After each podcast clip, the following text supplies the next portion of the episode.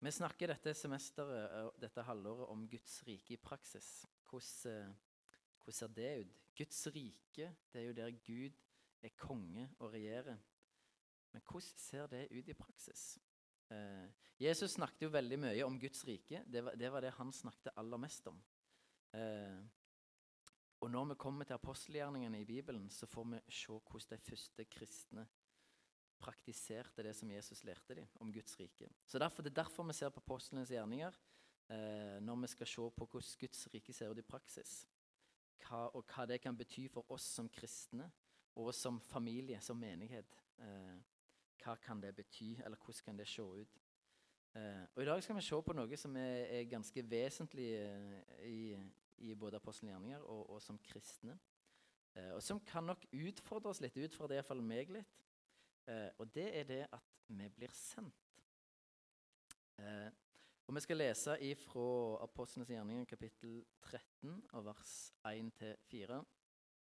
Og der står det I menigheten i Antiokia var det noen profeter og lærere. Barnabas og Simeon med navn, tilnavnet Niger.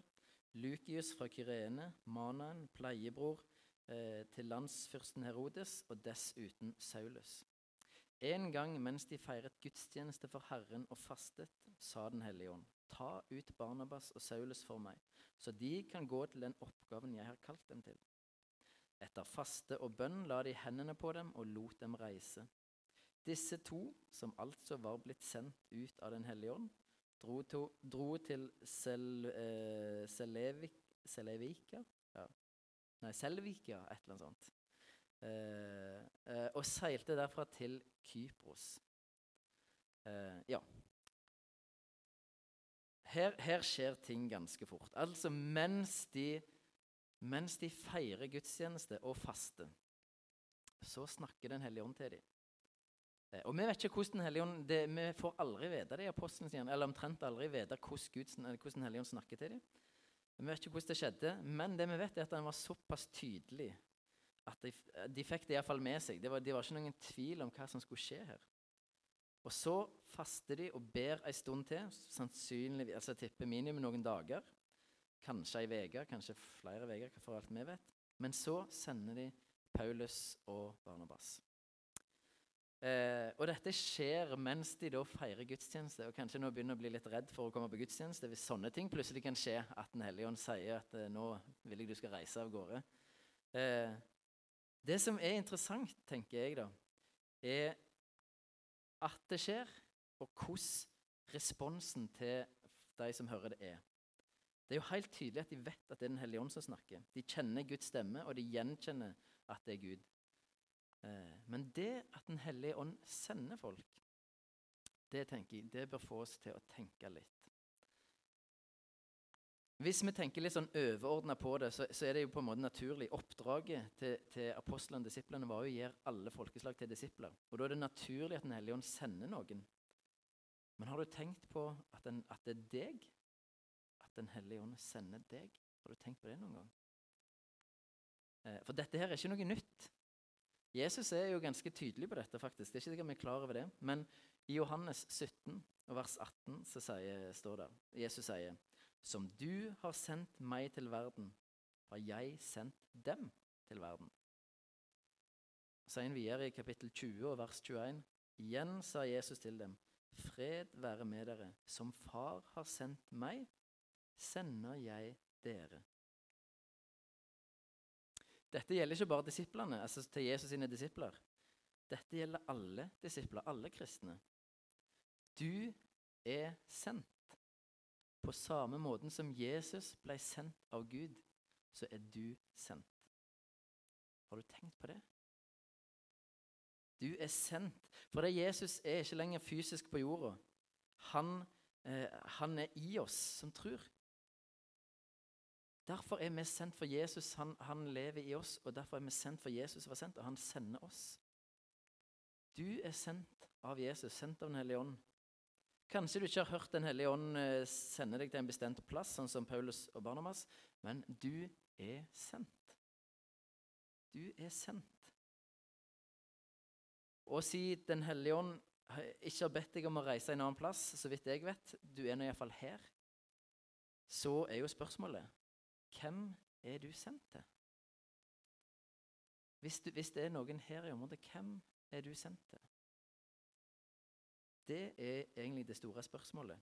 Hvem er du sendt til? Er du sendt til enkeltpersoner? Er du sendt til ei gruppe med folk? Er du sendt til et geografisk område, som et, til nabolag, et eller annet sånt?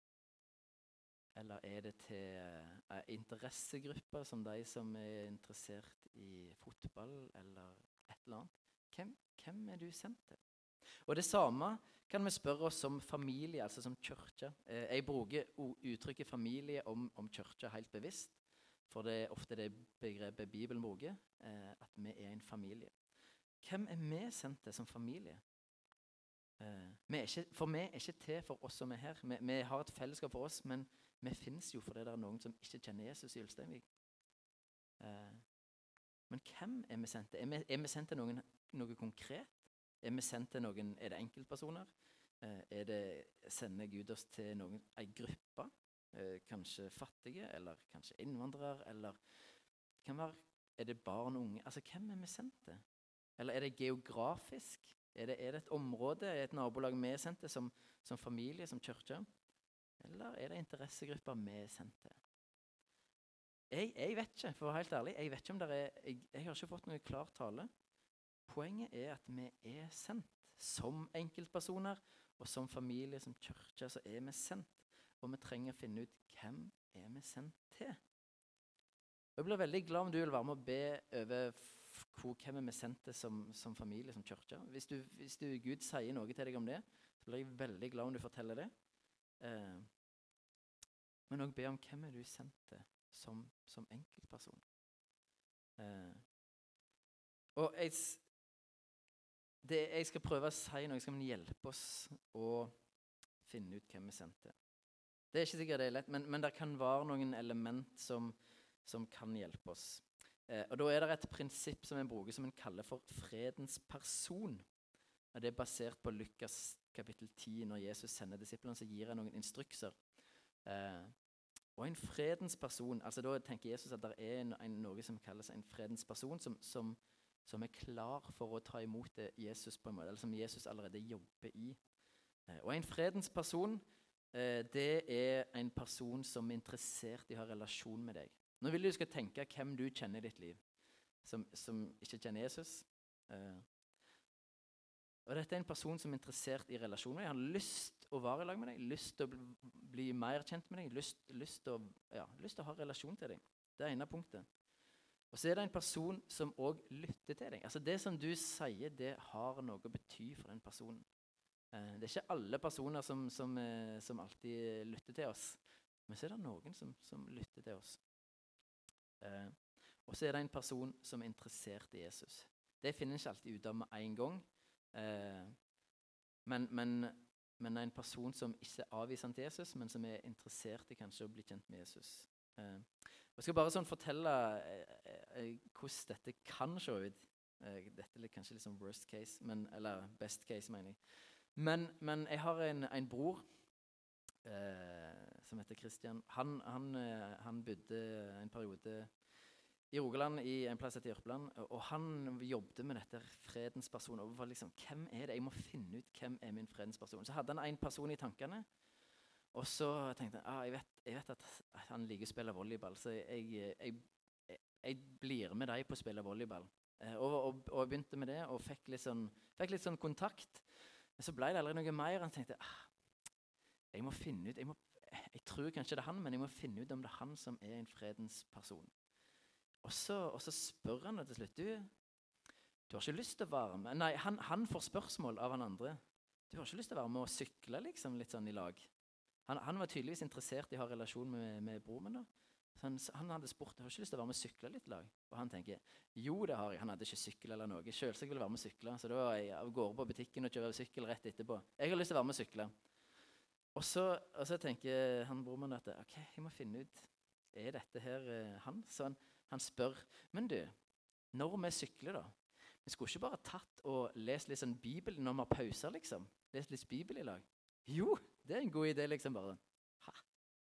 en ikke-kristen som tenker at det er en god idé å lese Bibelen når vi har pause i syklingen, liksom. Sånn, Det er rart. Det er spesielt. Så måtte jeg, ok, Dette her er fredens person. Dette er en som jeg skal investere i. Så de sykler, og de leser Bibelen når de har eh, sånn pause i syklinga. på en måte, og eh, Han blir jo kristen eh, etter hvert og blir med i huskirka og forskjellig sånt. Eh, men, men han han var veldig bevisst på at jeg må finne ut hvem som er fredens person. Eh, og disse tingene her stemte. Han, han, ville ha relasjon, han lytta til han, og han var interessert i Jesus. Eh, og jeg, det, det, det, høres jo veldig lett ut. Jeg tror ikke Det, var nok, det kosta nok litt. Det er nok ikke så lett. Men poenget her er at vi er sendt. Og hvem er din fredens person? Hvem, har, hvem er du sendt til? Hvem sender Jesus deg til?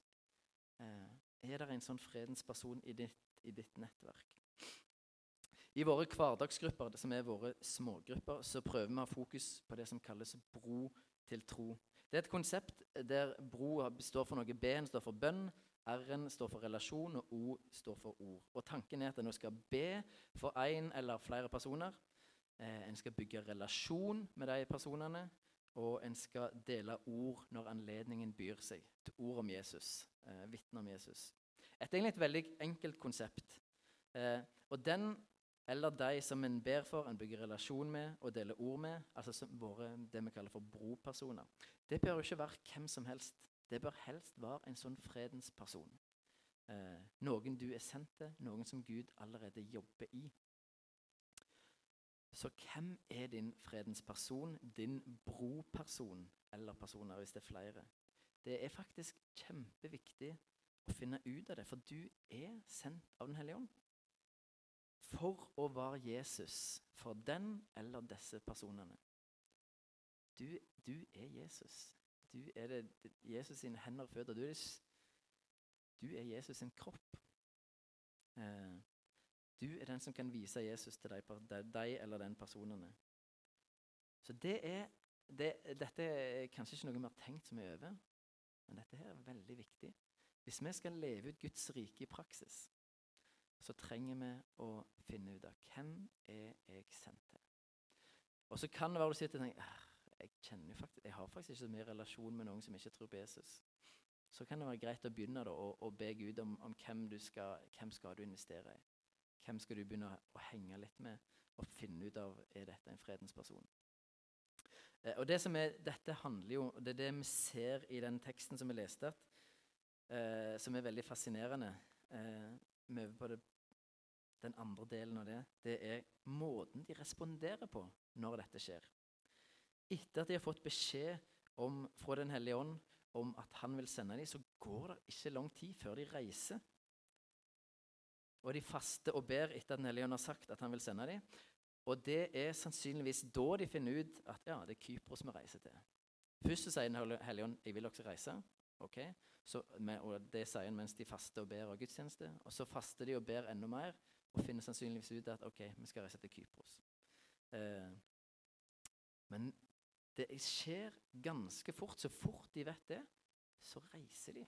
Ikke at jeg tror de stresser, men, men det går ikke lang tid får de få beskjed til at 'jeg vil sende dere' til de, til de reiser.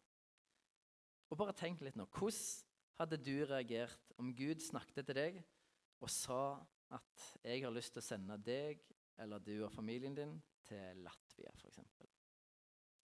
Hvordan hadde du reagert på det? Og, og det, liksom, det, var helt tydelig at det var Gud som snakket.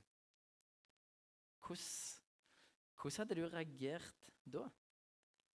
Og hvorfor hadde du reagert sånn, tror du? Uten at jeg vet hvordan du hadde reagert. Men, men hvorfor, hvis, hvis vi hadde tenkt Oi, nei, dette kan jeg jo ikke. Dette Hvorfor reagerer vi sånn i så fall? Eh, når, vi, når, vi, leser, så tenk, det, Vi tenker kanskje ikke over det når vi leser det i apostelgjerningene. Men vi bør av og til tenke hva ligger bak en sånn besluttsomhet? Det er ikke en, det er ikke en kort tur de skal ut på. Det er ikke sånn at det er liksom en sånn uke av gårde. Eh, de er vekke ganske lenge. Og jeg tror ikke de vet hvor lenge de skal være vekke engang. De, de, de bare vet at de skal reise. De vet ikke hvor lenge. Men det, med, det, det, det som ikke står, eller det som er, klart ikke, det kan være de var litt sånn usikre, men, men, det var ikke sånn at Ja, men hva med familien? Eller Jeg har ikke fått familie ennå. Hva med det? Eller hva med penger og økonomi? Hvordan skal dette gå? Hva skal vi leve av på denne turen her? Eh, kan godt være de tenkte litt på det og lurte litt på ja vel, hva med det? Eh, men det var uansett ikke noe som hindret dem i å reise. Det var ikke det som var det avgjørende punktet. Det som alt sto og hvilte på. Har vi samlet nok penger til å reise nå, eller hva med trygghet? Hva med sikkerhet på denne turen her? Det var, ikke, det var ikke det som var i fokus. Hvorfor er de så villige til å reise uten noen form for sikkerhet? Eh, og jeg tror det har med måten de ser på sitt eget liv og sin egen hensikt på, hvorfor de er i verden. De var nå blitt barn av Gud, en del av Guds rike. De hadde fått Jesus som herre i livet. Det betydde at de ikke sjøl var herre over livet. Livet handla om å bygge Guds rike og tjene Jesus der som han sendte dem. Eh, Paulus og Barnabas reagerte nok ikke sånn som jeg ville ha reagert. For det er deres mindset og fokus eh, var sannsynligvis enda mer på å tjene Gud der som han sender. Og jeg tror kanskje mitt mindset er mer preget av kulturen enn av etterfølgelse av Jesus. Nå, nå sier jeg liksom fra mitt ståsted, kan jeg være litt ærlig på det, eh, at, at mitt mindset er nok mer preget av fokus på komfort, nytelse, lykke, trygghet, sikkerhet. Eh, mer fokus på meg sjøl, mens jeg opplever kanskje Paulus og Barnabas har mer fokus på å tjene Gud. Det er, det er nummer én prioritering. Det er ikke så nøye med det rundt, men livet handler om å tjene Gud. Eh, om å være en del av Guds rike, ikke, ikke deres eget rike. Eh, og dette er noe som utfordrer når jeg leser denne teksten her. Eh, det som er greia, er at det er en del ting med evangeliet, det som vi leser om hva Jesus har gjort for oss, og hva det betyr, som jeg, jeg tror vi har gått litt glipp av. Eller at jeg i hvert fall opplever at jeg har lest med litt sånn briller. Jeg leser det på en bestemt måte. Eh, som gjør at jeg tror at både jeg og mange i, i vår tid går glipp av en del ting, eller misser eller misforstår noen ting. Eh, og en av de tinga eh, er hva tru faktisk er for noe. Hva evangeliet faktisk er. Jeg tror vi har misforstått jeg kan i hvert fall si for min del, at misforstått deler av det. Eh, forrige semester så snakket vi om Guds rike, for det er det Jesus er mest opptatt av å snakke om. Eh, og Det som var helt selvsagt på den tida, og som vil være det første som de tenker på, det er at hvis du hører om et rike, så betyr det at et rike har en konge. En som er enehersker. Eh, så det å bli en del av Guds rike var naturlig nok å underordne seg denne kongen. Du kan ikke være en del av et rike og være i opposisjon til kongen. Det går ikke. Da er du ikke en del av et rike. Da har du ikke gitt deg til et rike. Da er du i opposisjon. Skal du være en del av et rike, så betyr det at det er en konge som bestemmer. Eh, og En annen ting som når vi leser evangeliet, er at høydepunktet det er faktisk ikke verken Jesus sin død eller oppstandelse, men det som vi snart skal feire. Som ikke, vi feirer det ikke engang. Det er Kristi himmelfartsdag. Eh, høydepunktet i evangeliet er at Jesus setter seg på trona og blir konge. Det er høydepunktet i evangeliet. Det er den viktigste hendelsen i evangeliet. Du, du kommer ikke der til uten de andre tinga. Men det er faktisk den viktigste delen og den mest eh, omtalte delen av evangeliet, er at Jesus blir konge. Han seirer over denne verdens fyrste og blir konge. Og Guds rike blir etablert.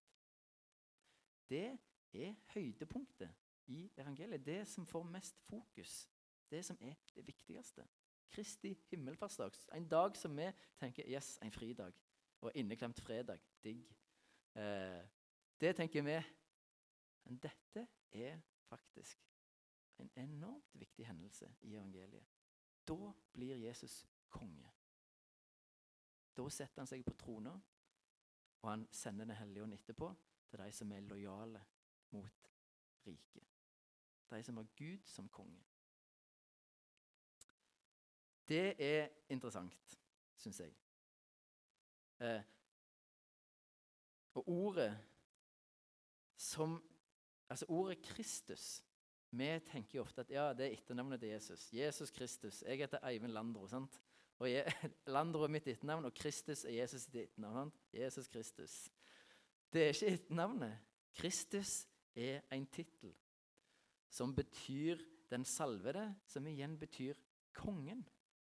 Den som var salva, altså Når Samuel salver David, så er det fordi han skal bli konge. Du salver noen fordi de skal bli konge.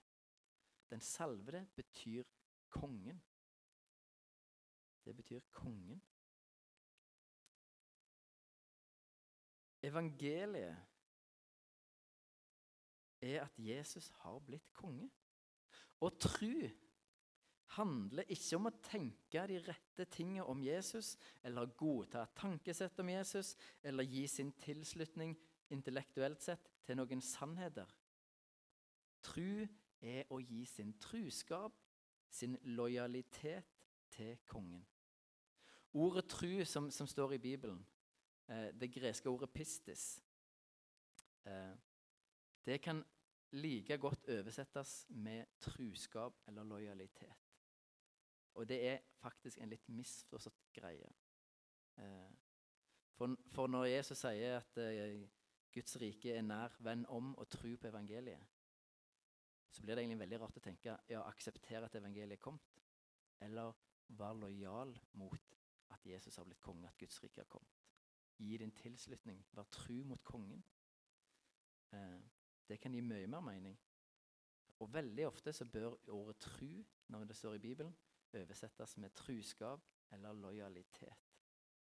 Eh, det er veldig interessant. Men det er det det handler om. Det er det du ser Paulus og Barnabas. De har gitt sin lojalitet, sin truskap, til kongen. Derfor, så når kongen sier 'gå', så går de. Det er mindsettet deres. Det er mindsettet deres.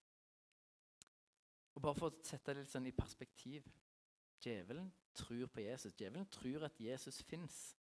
Han er mye mer overbevist om det enn meg og deg. At Jesus fins. Han er fullt overbevist om at Jesus har dødd på et kors for verdens synder. Ingen problemer for djevelen å erkjenne det.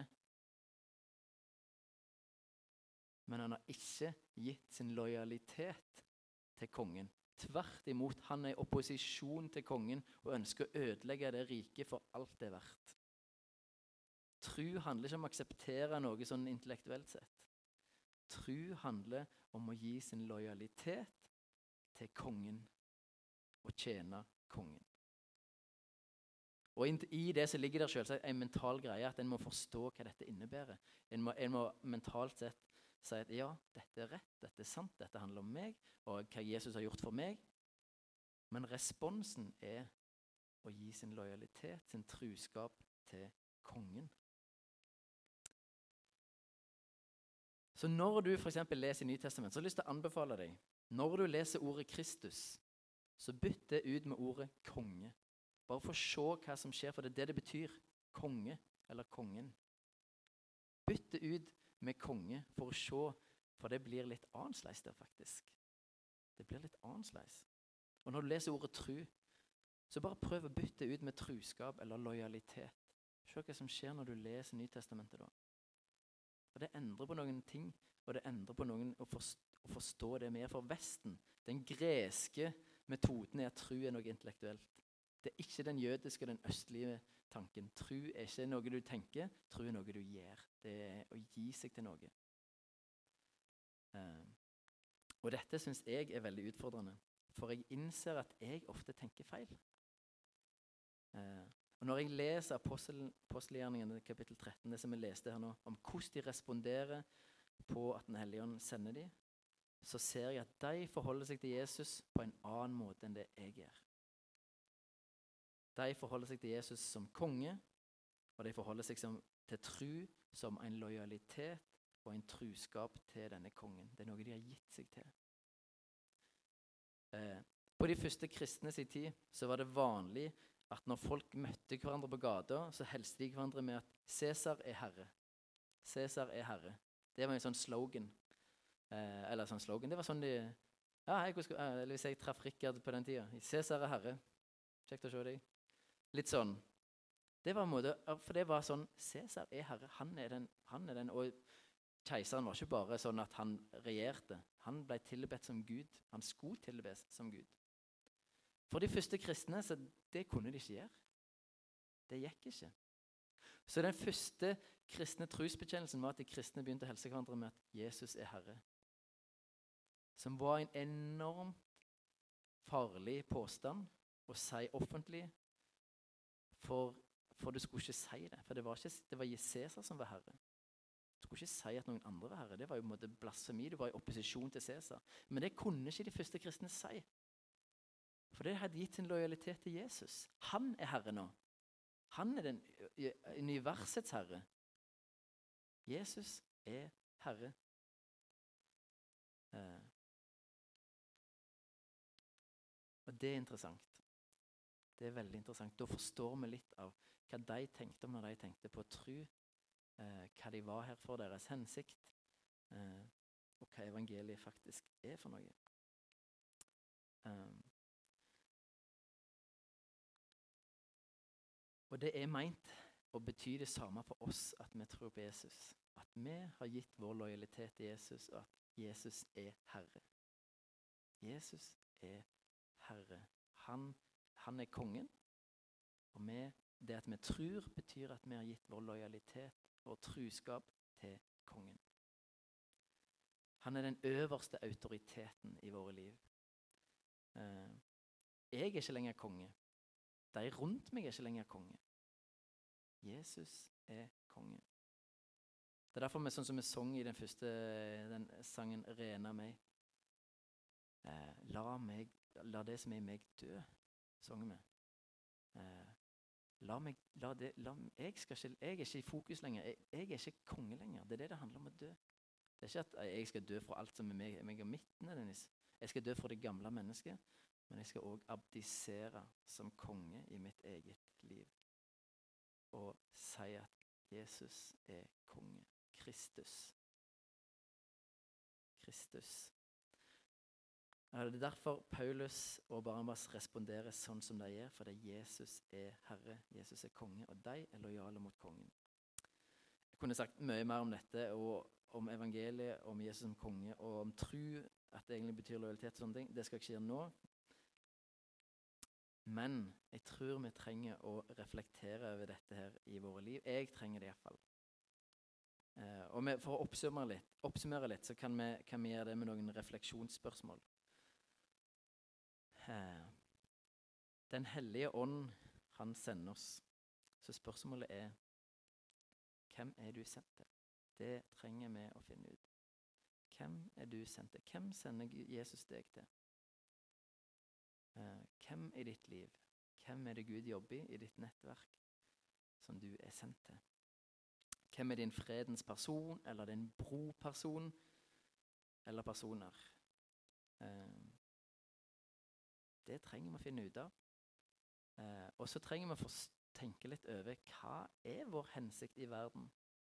Hvorfor er du her? Altså, hva perspektiv har vi på vår egen eksistens er vi her for å tenke jeg at jeg er her for at jeg skal oppleve maksimalt med lykke.